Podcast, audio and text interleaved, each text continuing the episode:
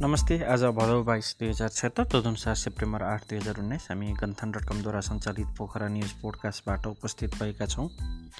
कास्कीका doctor home गुरुङलाई अस्ट्रेलियामा अन्तर्राष्ट्रिय award defending champion एएफपीलाई खुल्ला भलिबल प्रतियोगिताको उपाधि र निजामती दिवसको शुभकामना दिँदै मुख्यमन्त्रीले भने जनताप्रति समर्पित भएर काम गर्नुहोस्।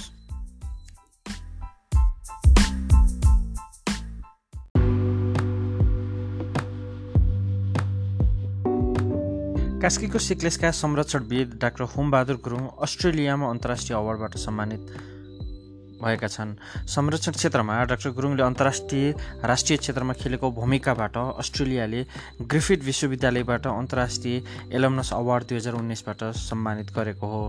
विश्वविद्यालयमा अध्ययन गरिसकेको विश्वका एक सय पैँतालिस देशका दुई लाखजना अन्तर्राष्ट्रिय अलुमनस प्रतिस्पर्धाबाट गुरुङले अवार्ड पाएका हुन्। अस्ट्रेलियाको ग्रिफिथ विश्वविद्यालयमा प्रदान गर्ने अवार्डबाट यस वर्ष कास्कीको मोदी गाउँपालिका सिक्लेसका संरक्षणविद डाक्टर गुरुङलाई अवार्डबाट सम्मान गरिएको हो। यो अवार्ड पाउने उनी प्रथम नेपाली हुन्।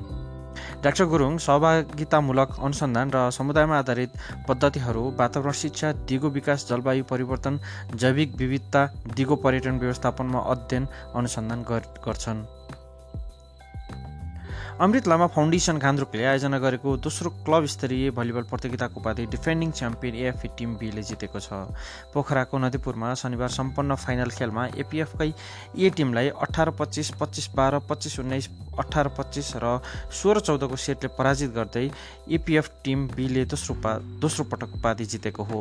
उपाधिसँगै टिम बीले सिल्ड मेडल तथा प्रमाणपत्रसहित नगद साठी हजार प्राप्त गर्यो भने उपविजेता टिम एले सिल्ड मेडल तथा प्रमाणपत्रसहित नगद चालिस हजारमा चित्त बुझायो।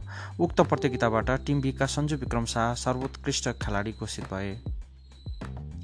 गण्डकी प्रदेशका गण्डकी प्रदेशका मुख्यमन्त्री पृथ्वी सुब्बा गुरुङले राज्यको नीति योजना र कानुनको सफल कार्यान्वयन गराउन निजामती कर्मचारीको भूमिका महत्त्वपूर्ण हुने बताएका छन्।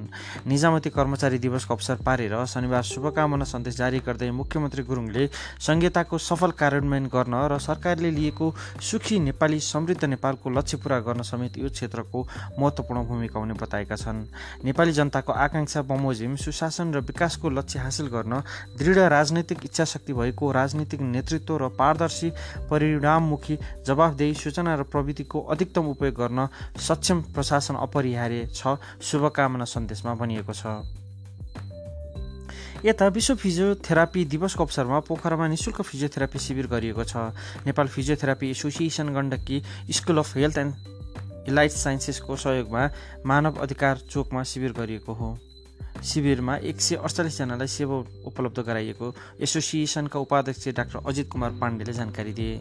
शिविर उद्घाटन गर्दै गण्डकी प्रदेश सामाजिक विकास मन्त्री नरदेवी पुनले सबै सरकारवालासँग समन्वय गरी प्रदेश स्तरीय स्वास्थ्य ऐन बनाइने बताए।